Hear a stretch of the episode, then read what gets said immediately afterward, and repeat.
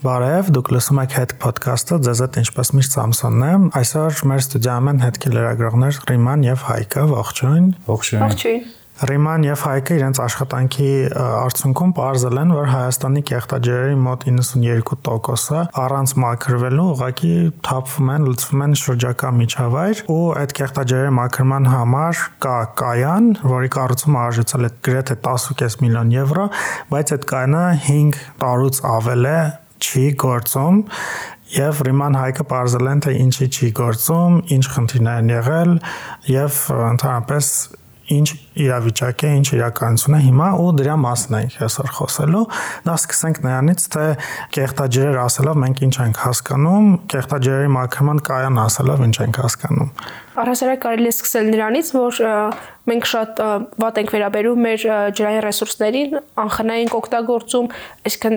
կեղտոտված ջուրը, որը կեղտաջուրը մենք չենք դիտարկում որպես ռեսուրս, այլ պարզապես անպիտան մի բան, որը պետք է ինչ-որ միտեղ բաց թողնել, որ գնա իրականում դրանք եւս շատ կարեւոր ռեսուրսներ են ու վերամշակելու դեպքում շատ հաջող կերպով կարող են լրացնել ջրային ռեսուրսներում եղած բացը։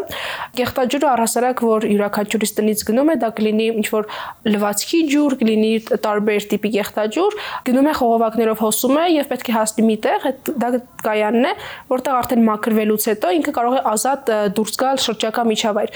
Ոնց է տեղի ունենում այդ մաքրման process-ը առհասարակ, կեղտաջուրը առաջին փուլով հայտնվում է կայանի ճաղավանդակային հատվածում, այդտեղ ճաղեր են սովորական,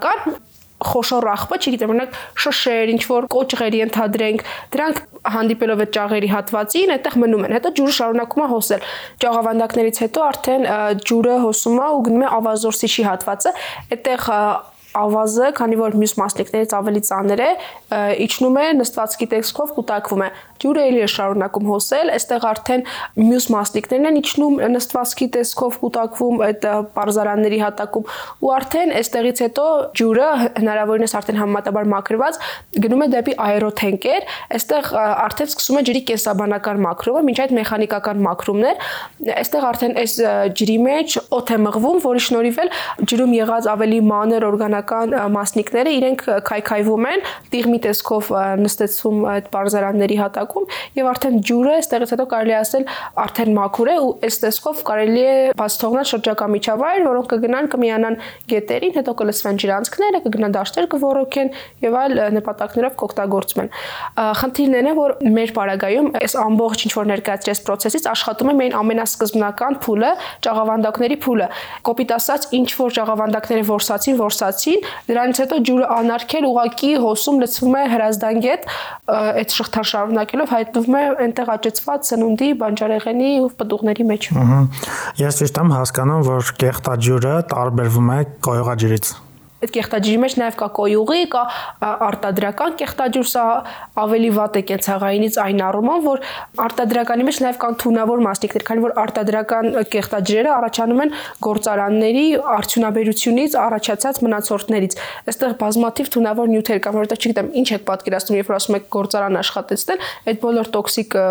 մանրաները, մաստիկները լցվում են այդ կեղտաջրի մեջ։ Այսինքն պատկերացնենք, որ Երևան քաղաքից ինչքան 1.5 միլիոն մարդ կա չէ, ստեղ ապրող, այդ ամբողջ ջուրը, որ մենք օգտագործում ենք ցանկացած նպատակով, որ պիտի գնա այս մաքրման կայան Օրական մոտավորապես որքան կեղտաջրի մասին է խոսքը։ Մասնագետի խոսքով օրական մոտ 400.000 խորանարդ մետր քանակով ջրի մասին է խոսքը։ Սա եկեք ֆիքսենք, որ Երևան քաղաքից է հիմնական մասը, բայց նաև Կոտայքի մարզի որոշ քաղաքներից, Աբովյանից եւ ելի մի քանի քաղաքից նույնպես թափվում են դեպի Հրազդան։ Ձեր հետաքննությունը վերաբերում է կեղտաջրի մաքրման նոր կայանին, այսինքն եղել է նաև հին կայանը։ Այո, եղել է նաև հին կայանը եւ եղել են ընդհանուր թվով 20 կայաններ։ Արեցեի կայանը կառուցվել է 1972 թվականին,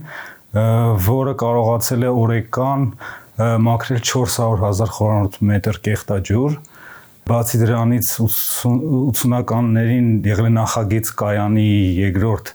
բլոկը կառուցման առհասարակ պատկերացում կազմելու համար թե ժամանակին ինչ տիպի զարգացած է եղել կեղտաջրի մաքրման կայանն է 20 կայաններից օրինակ կապանի կայանում նստվածքը նաև օգտագործվում էր որպես ռեսուրս, այսինքն կապանի կեղտաջրի մաքրկայանից կարող ես ստանալ գազ։ խնդիրը ցակեց 90-ականներին, բոլորիս հայտնի պատճառներով, պատերազմ, երկրաշարժ, պլանային տնտեսությունից անցում, անկախացում ու իր հետ վերած էներգետիկ տնտեսական ճգնաժամ մի բան ավելացնեմ, երբ որ մենք ասում ենք 90-ական թվականներին ինչի կայանը սկսեց չաշխատել, որովհետև աերոթենկերը, որոնք օդ են մղում ջրի մեջ, այդ երևույթը կոչվում է աերացիա, այդտեղից էլ գալիս է կայանի անունը։ Դա մեծ քանակով էներգիա է պահանջում, որ կարողանա այդ process-ը կատարել, ու երբ որ էներգիա չկար այդ ժամանակ 90-ականներին, այսինքն լուիս հոսանք չկար, ուղղակիորեն այդ process-ը դադար դադարեց գործել եւ հետո արդեն երբ որ ամեն ինչ վերականգնվեց, արդեն այդ տեխնիկան, սարքավորումները իրենք արդեն հնացել էին, քայքայվել են ու դա կրկին վերագործարկելու համար շատ լուրջ ֆինանսներ էր պետք ներդնել, որը բնականաբար մենք այն ժամանակ չունեինք, այսօր եւս չունենք, ու այսպես շարունակում է ցիկլը ընթանալ ամեն օր։ Ահա ու այդ ժամանակ աշխատում էր ինչպես նաև հիմա աշխատում էր ընդամենը չնչին մի բլոկ ճաղավանդակներն էր, որի խնդիրը շատ տենց բարձ պրիմիտիվ ինքը միայն տենց որոշակի տրամաչափի մասնիկներն է կարող առանձնացնել կեղտաջրից ու ինչպես Ռիման նշեց, այդ ամբողջ թունավոր այդ տոքսիկ կեղտաջրերը լցվում են ռոռոկման համակարգ շրջակա միջավայր։ Ես ենթադրում եմ, որ այս կեղտաջրերի մաքրման կայանները պետության վերահսկողության տակ են եւ պետությունը ունի պարտականություն դրանց հետևելու, դրանք վերահսկելու եւ դրանք աշխատացնելու։ Այս պահին կոնկրետ աերացիայի մաքրման կայանը վարձակալությամբ դրված է վիոլա ջրին, սպասարկումը հենց վիոլա ջուրն է իրականացնում։ Այն ժամանակ, երբ որ վիոլա ջուրը ստանձնեց Հայաստանի ջրամատակարարման ջրահեռացման գործառույթները, դեռևս նոր կայանը կառուցված չէր ու դրա մասին քննարկումներ եւս չկային բայց պայմանագրի մեջ կար մի կետ որով երբ որ վարչատուն այսինքն ջրային կոմիտեն Հայաստանի Հանրապետությունը ինչ որ ներդրում կատարի եւ կայանը նորոգի կամ բերի արդեն այնպիսի տեսքի որ կարելի շահագործել վարչակալը Վիոլյան եւ պետությունը կարող են քննարկումներ ունենալ թե ինչ պայմաններով կարելի է կայանը շահագործել երբ որ կայանը կառուցվեց այս քննարկումները սկսեցին երկու կողմերի միջև ընթանալ բայց ի վերջո համաձայնություն այդպես էլ ձեռք չբերվեց որովհետեւ Վիոլա ջուրը առաջարկում էր ի սկզբանե 1.4 միլիարդ դրամով շահագործել տարեկան, որը ձեռնտու չէր պետությանը, այդպես այդ գնի շուրջ տեղի ունեցավ համաձայնություն ու կայանը այդպես շարունակեց մնալ։ Հետո ինչ որ կազմակերպություններ հայտնվեցին, որոնք առաջարկեցին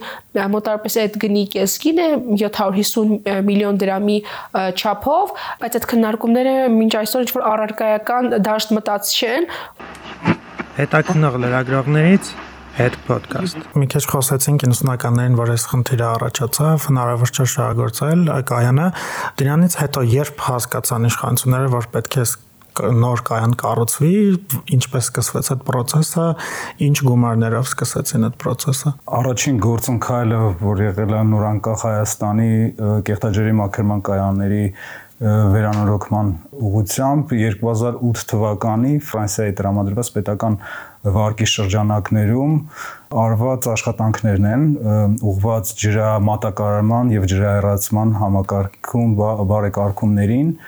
եւ 2015 թվականից սկսվել է շինարարությունը Արիացիայի նոր կայանի, որի արժողությունը 10.4 միլիոն էր ընդհանուր վարկի արժողությունը 20 24.4 միլիոն եվրո էր ամեն ինչ սկզբնական փուլում շատ բարեհաջող էր, ամեն ինչ շատ խոստումնալից էր, շինարարությունը ընթանում էր ըստ սամոված կարգի, պայմանագիրը պատվիրատու եւ կապալարոյի միջև ընթանում էր ըստ սահմանված կետերի, բայց ամեն ինչ խախտվեց հանձնման փուլում, որի մասին մանրամասն Ռիման կխոսի։ Իսկ ովքեր էին կատարողները այդ շինարարական աշխատանքների։ Շինարարական աշխատանքների պատվիրատուն ի սկզբանե Երևան Երևանի քաղաքապետարանի համայնքային զարգացման ծրագրերի իրականացման գրասենյակներ, հետագայում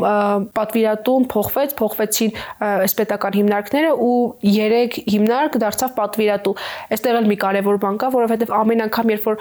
մի պատվիրատուն փաթեթը փոխանցում էր մյուսին, տեղի էր ունենում կապի խզում։ Այսինքն նորի մոտ գալիս էր, նորը տեղյակ չէր թե նախորդի մոտ ինչ է կատարվել, հետո հաջորդը ու այսպես, այսինքն ով որ վերցրել էր գործը, իրականում մինչև վերջ շտարավ գործը։ Անընդհատ փոխվեցին պատվիրատուները եւ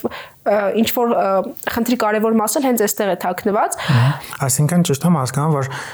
պատվիրատուները պետական մարմիններ են, թե պետական մարմինները պատվիրում են այլ մասնավոր մարմինների, որոնք որ դառնում են պատվիրատու։ Պատվիրատուները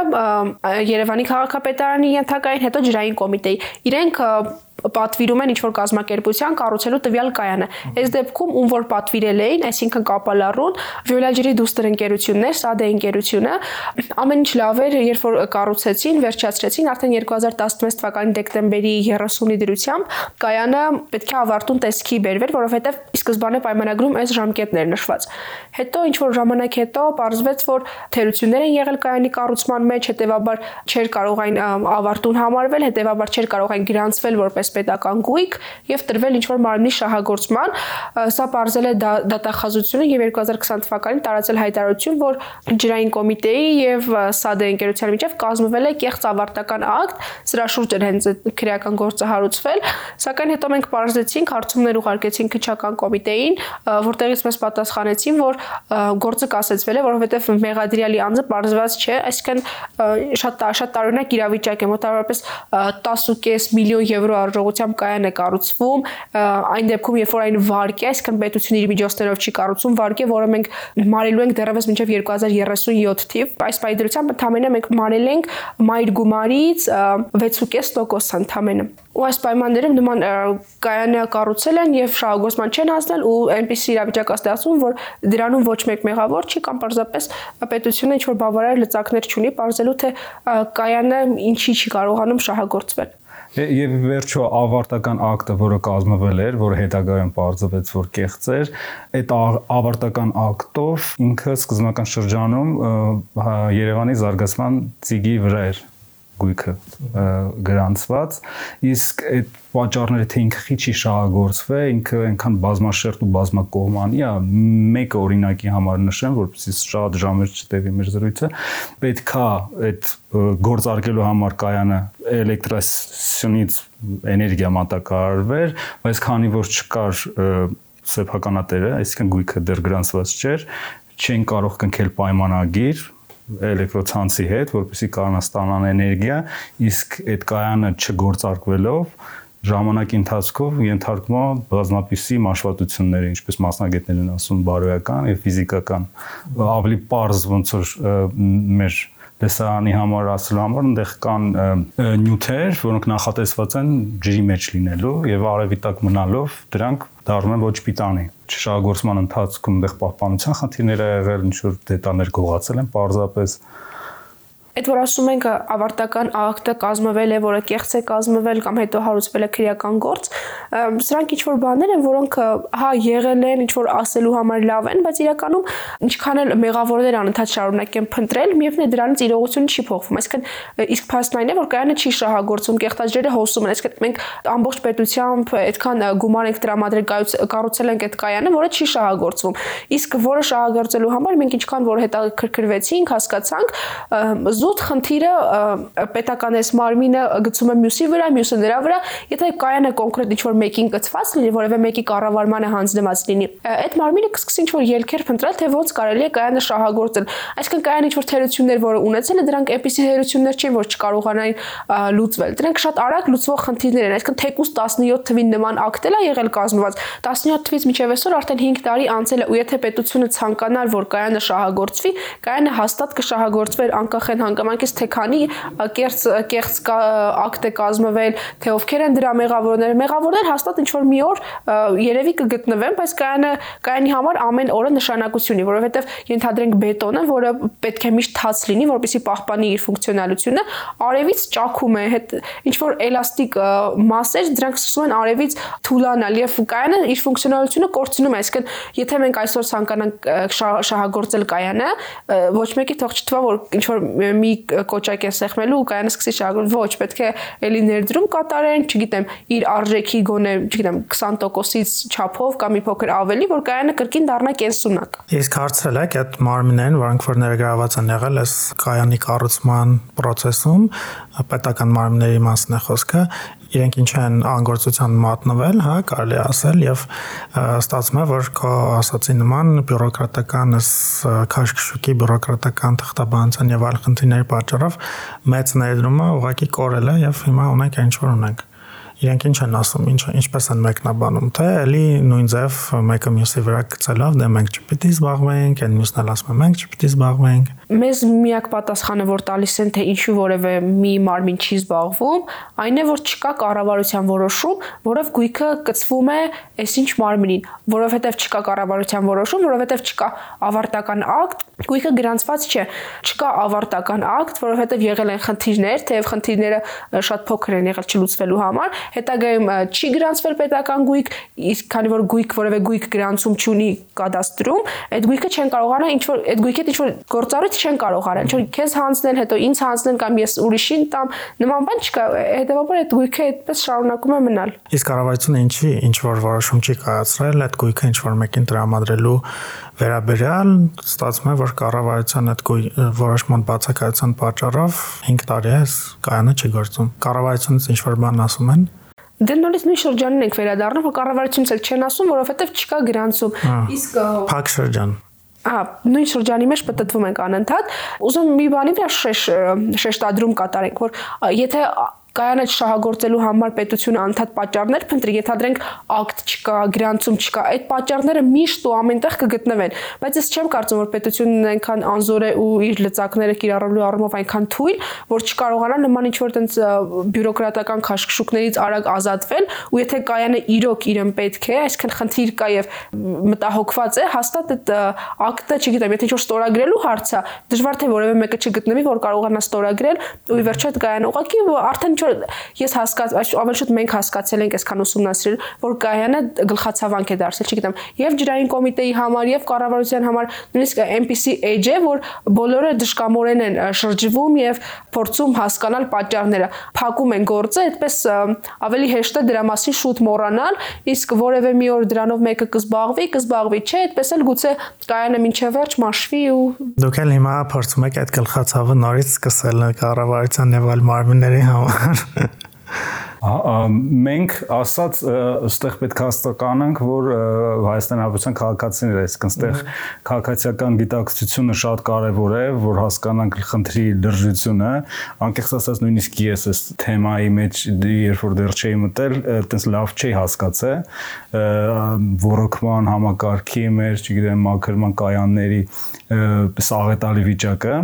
ու թեմայի մեջ լինելով մենք գնալով հասկանում ենք որ պետք է խոսել այս ամենի մասին, պետք է ավելի պատկերավոր ներկայացնել թե ինչ ինչ մեծ ինչ որ աղետալի իրավիճակում է մեր ամբողջ համակարգը ջրահեռացման հետաքնող լրագրողներից Head podcast։ Մեր մոտ միշտ այդպեսի բան կա, չէ, որ անդադ բարձանում ենք, որ Հայաստանը ջրային ռեսուրսներով լի երկիր է եւ մենք լիքը ջուր ունենք, մեր ջուրը շատ մաքուր է, բս համ խմելու ջուրը, համ ոռոգման ջուրը եւ այլն, բայց իրականում ծեր արած աշխատանքի շնորհիվ եւ այլ լրագրողների շնորհիվ, որոնք որ լուսաբանում են բնապահպանական խնդիրները, հասկանում ես, որ այդ այդքան էլ այդպես չի։ Համենայն դեպս տեխնիկական, բյուրոկրատական եւ միգուցե նաեւ կոռուպցիայի պատճառով նման հարցերը ուղղակի անտեսվում են երբ որ ասում ենք մենք ունենք մաքուր ջուր, մաքուր ոռոգման ջուր, դա մենք պետք է հասկանանք, որ դա մեր շնորհքը չի, դա մեր ջանքերի շնորհիվ չի, որ ջուրը մաքուր է։ Ջուրը մաքուր է, որովհետև մենք աշխարհագրորեն այնպիսի դիրքում ենք, որտեղ կան ջրային պաշարներ, ու մենք զուտ դա սպառում ենք։ Իսկ մենք պետք է մտածենք այն առումով, արդյոք այն ինչ որ մեզ տվել է բնությունը, մենք կարողանում ենք ինչ որ չափով վերամշակել։ Ոչ, մենք ագահորեն օգտագործում ենք, ագահորեն վատնում ենք այդ ջուրը ու պարզապես երբ որ այդ ջուրն արդեն պիտանի չի, մենք նետում ենք որտեղ պատահի։ Իսկ այդպես չի լինում, այսինքն Եթե ինչ որ բան եթե ունեք, դա պետքա մտածենք, որ հավերժ չի։ Մենք ջրային պաշարները չեն կարող ինչ որ դարերով ձգվել։ Դրանք ինչ որ մի օր սպառվելու են ու նաև այն հանգամանքի պատճառով, որ մենք այսօր շատ խիստ անուշադիր կերպով ենք վարվում այդ ջրային ռեսուրսների հետ, ինչը անընդունել է ուղղակի։ Նաև այսպիսի թեմաներին ես կուզեի ասել, որ անդրադարձ շատ չի լինում, բազմաթիվ մարդիկ տեղյակ չեն, որովհետև օրվա ընթացքում այնքան շատ ինչ որ անկարևոր, ոչ ակտուալ հարցեր են օրակարգային դառնում, որ նման կարևոր խնդիրները ուղակի ինչ որ միտեղ քնում են ու չգիտեմ երևի մարդկանց էլ մեղադրել չի, որովհետև իրենք սպառում են այն, ինչ իրենց մեդիան է տալիս։ Իսկ մեդիան նման խնդիրներին, օրհասական խնդիրներին անդրադարձ չի անում։ Դրա համար էլ մարդիկ այսօր տեղյակ չեն եւ եթե գուցե տեղյակ լինեն, իրենք առաջինը ձայն բարձրացնեն, որ չեն ուզում, որ այսպես շարունակվի, այսինքն այդ կեղտաջրը չեն ուզում պարզապես իրենց սննդի մեջ հայտնվի, բայց մարդիկ գործից անտեղյակ են, հետեւաբար եւ լուր են։ Իսկ սա պետությանը համար շատ ձեռնտու է, քանի որ Կարելի է ոչ ման չանել հա, ուղղակի։ Հա, եթե չկա ներքևից պահանջ չկա, ներքևից ճնշում չկա, իսկ եթե արդեն մենք գիտենք, որ փորձը ցույց է տվել, եթե ինչ-որ բանին չես ճնշում, անդադ չես հիշեցնում դրա մասին, ոչ մեկ չի գերադասում խնդրին ձեռք տալ, որովհետեւ դրանից հաստատ իրեն ինչ-որ օգուտ չի գա, բացի վնասից ու գլխացավանքից։ Իսկ տարածաշրջանի երկրների համեմատ Հայաստանը մնանք որքան կեղտաջրերի տոկոսն է մաքրվում եւ ընդհանրապես համատվելով մյուս երկրների հետ ինչ տեղում ենք պաշտոնական ուսումնասիրություններ չկան մեր ձեռքի տակ, բայց մասնագետների վերլուծությունով գիտենք, որ հարևան Վրաստանում ջրի մեխանիկական մաքրումը կատարվում է 30-ից 40%-ով, իսկ Հայաստանում 8%-ով։ Ադրբեջանում վիճակը ավելի լավ է, քան Վրաստանինը այդ մենք մեխանիկական մակրման մասին ենք միայն խոսում, այսինքն երբ որ ընդհանրապես խոշոր մասնիկները, այդ ճաղավանդակները ворսում են իսկ կենսաբանական մակրում Հայաստանում կատարվում է ընդհանրապես 0.1%-ով։ Կայանների մասին եթե խոսում ենք, մենք պետքա հիշենք, որ կա մի հատ ավելի մեծ խնդիր, միջև կայան հասնող այդ խողովակաշարերի, եթե այդտեղ մեծ ֆինանսներ են պահանջում, այնտեղ ավելի շատ մեծ ֆինանսներ են պահանջում այդ խողովակաշարի հարցերը լուծելու համար, իսկ արդյունքում այդ կեղտաջրերը հայտնվում են ստոր գետնյա ջրերի մեջ, իսկ այդ տիպ աղետներից ամենամեծն է։ Ցանկացած ոլորտին վերաբերում է էլի այս խնդիրը օրինակի համար, մենակ մի օրինակ, այսինքն туриզմին։ Եթե մենք ունենք այն վիճակը, երբ որ ասենք հոտից նույնիսկ մեզ դա հաճ դառնում, ինչ ասենք հյուրերի մասին, որոնց բերում ենք ցույց տանք մեր թանգարանը բաց երկնքի տակին։ Էլի պատկերավորության համար կոյողաջրի խողովակները շատ դեպքերում գյուղացիները կոտրում են եւ այդ ջրերով իրենց դաշտերն են ռոռոքում ու այդ բնականաբար հայտնվում է վաճառակետերում, ընդեղից է մեր սեղանների վրա այդ կեղտաջուրը, որի մասին արդեն խոսեցինք թե ինչի են ինչ վտանգ։ Տարածված պրակտիկա է այս։ Սրան զուգահեռ նույն գյուղացին ով որ կեղտաջրով ջրում է իր դաշտը, երբեք իր ուտելու համար աճեցված բանջարեղենը այդ ջրով չի լվում, որովհետև ինքը շատ լավ հասկանում է, որ այդ ինչ ջուր է ու որ այդտեղով ջրված սնունդը ոնց չի կարելի ուտել։ Իսկ ռոռոկման խնդիրը է առանձին թեմա է, այսինքն մենք ինչեւ հիմա չունենք ռոռոկման ջրի ստանդարտ։ Չկա վերահսկողություն, ու ոնց որ բանը ստեղ երկսայր է խնդիրը, էլի։ Դենք եթե ունենանք ստանդարտ, այսինքն ինքը պետք է այդ ապահովի այդ ստանդարտը, էլի։ Չկա ստանդարտ, չկա վերահսկողություն, արդյունքում կա օրեցօր ավելի վատացող մեր շրջակա միջավայր։ Հետաքնող լրագրողներից Head podcast։ Ես գիտեմ, որ բավական երկար եւ բավականին խորը աշխատել եք այս հետաքննության վրա, նաեւ եղել եք հենց արիացիայի տարածքում եւ նկարահանումներ եք արել։ Իմչալոց, եթե ուզում եք կարդալ հոդված այն հասանելի կլինի podcast-ի նկարագրության մեջ, մի քիչ կպատմեք այդ նկարահանումներից, կայան այցից, ինչպես անցավ։ Այրեցիակայանի ամբողջ տարածքը 64 հեկտար է, դա վարձակալությամբ Վիոլիային է տրվել։ Իսկ նոր կայանը, որը գտնվում է այդ տարածքում, թեև տարածքում է, բայց Վիոլիայինը չի, իրեն ոչ ոքինը չի այդ կայանը։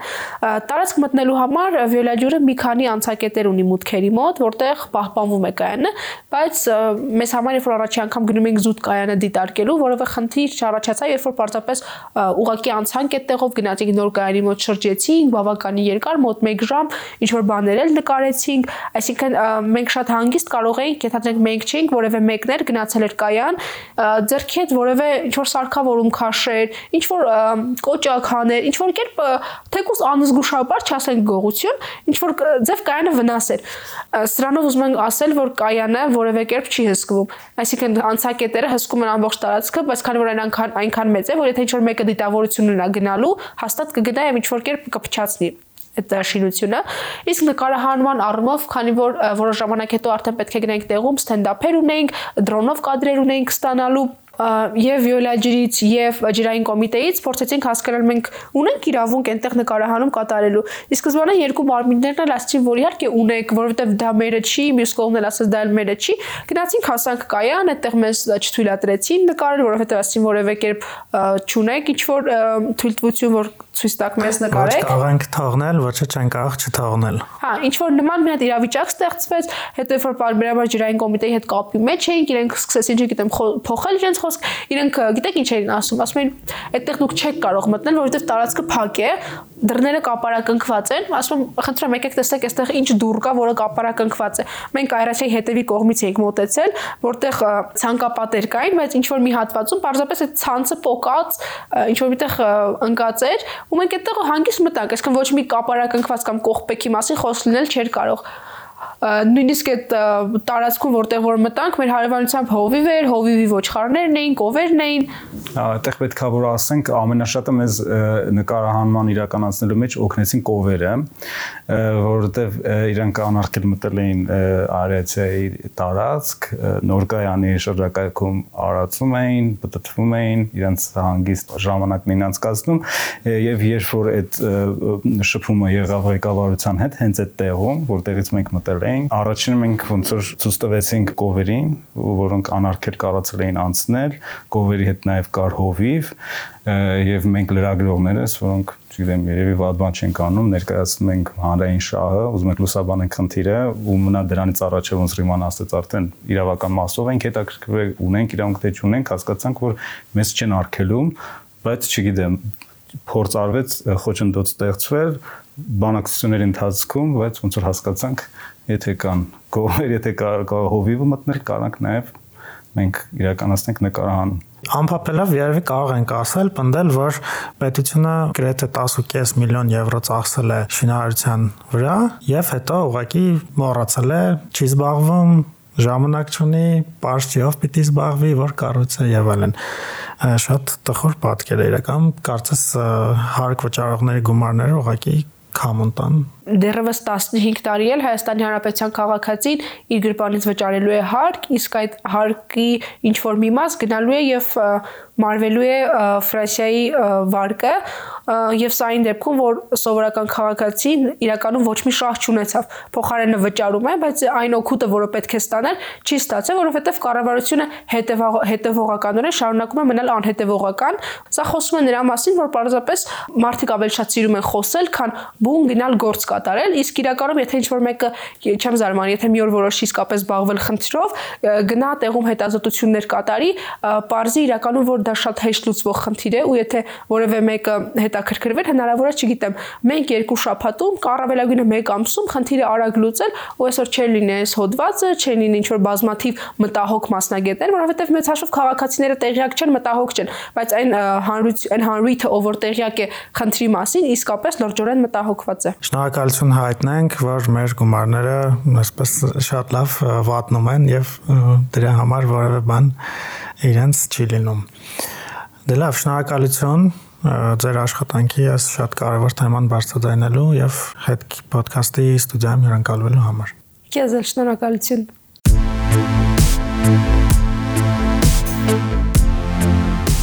Շնորհակալություն հետ ոդքասթը լսելու համար։ Կարող եք մեզ գտնել Facebook-ում, միանալ մեր խմբին, ուղակի լատինատար կամ